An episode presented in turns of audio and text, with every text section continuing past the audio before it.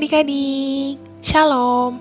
Sekarang giliran Kalala yang akan ngebawain renungan harian audio cerdas berpikir, edisi kisah-kisah dan tokoh-tokoh dalam Alkitab.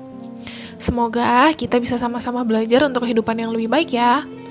Dua hari kemarin kita udah dengar pembahasan tentang Gideon. Lebih tepatnya sisi baik dari Gideon. Nah, hari ini Kalala akan ngebahas tentang kesalahan Gideon pembahasan ini penting banget untuk kita dengerin, supaya kita nggak ngelakuin kesalahan yang sama. Jadi, setelah Gideon dan pasukannya mengalahkan orang Midian, orang Israel meminta agar Gideon, bahkan keturunannya, memerintah atas bangsa Israel.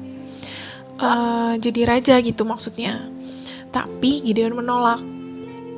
Hakim-Hakim 8 ayat 24-25 mengisahkan begini.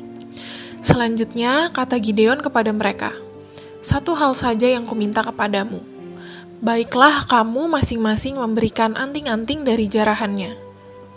Karena musuh itu beranting-anting emas, sebab mereka orang Ismail.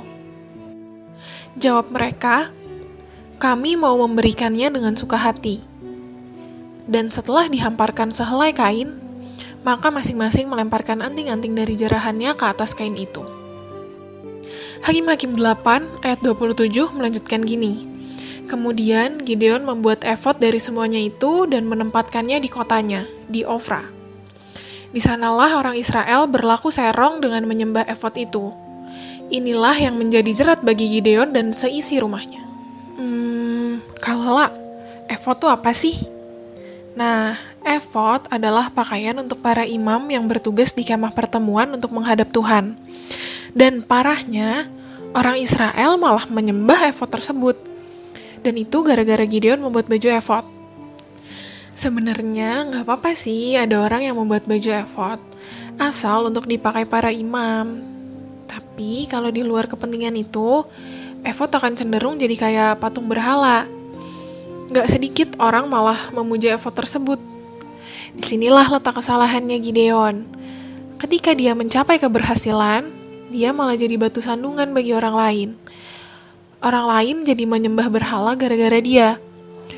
Soalnya kan hidup Gideon kayak udah jadi sorotan gitu. Nah kalau dia salah bertindak, gak sedikit orang juga yang bisa salah bertindak. Jadi, apa pelajarannya buat kita nih? Hmm, gini adik-adik. Tuhan Yesus dalam Matius 5 ayat 14 bilang begini, Kamu adalah terang dunia. Kota yang terletak di atas gunung tidak mungkin tersembunyi yang namanya terang, suka atau nggak suka bakalan dilihat orang. Uh, istilahnya nih, hidup kita bakal jadi sorotan. Dan percaya atau enggak, orang lain bisa melihat seperti apa itu Kristen dari melihat gimana hidup kita, gimana perbuatan kita, gimana perkataan kita. Kalau omongan kita nggak dijaga, orang malah menilai kekristenan secara buruk. Akibatnya, boro-boro mau percaya dan mengikut Tuhan Yesus. Mereka malah bisa jadi nggak mau dengar tentang Tuhan Yesus gara-gara omongan kita nggak dijaga. Makanya, kita sebagai terang dunia harusnya bisa jaga hidup kita baik-baik. Kita bisa aja jadi sorotan orang lain kan? Dari kesalahan Gideon ini, kita juga belajar bahwa kita nggak seharusnya membuat orang lain jatuh dalam dosa, baik itu dengan membujuk ataupun memicu mereka berbuat dosa kita harus hati-hati sedini mungkin. Jangan sampai pas sudah dewasa, hmm, kalian malah terbiasa membuat orang berbuat dosa. Segitu aja yang bisa Kalala sampaikan. Semoga kita bisa belajar dari kesalahan Gideon ya. Oke? Okay? Yuk kita berdoa. Tuhan Yesus, terima kasih untuk renungan hari ini. Terima kasih karena hari ini kami boleh belajar dari kisah Gideon.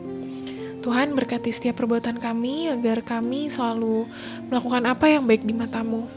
Pimpin kami ya roh kudus agar setiap apa yang kami lakukan boleh jadi berkat bagi orang-orang yang ada di sekeliling kami, bahkan mereka bisa merasakan kebaikan Tuhan melalui sikap hidup kami sehari-hari. Terima kasih Tuhan untuk hari ini.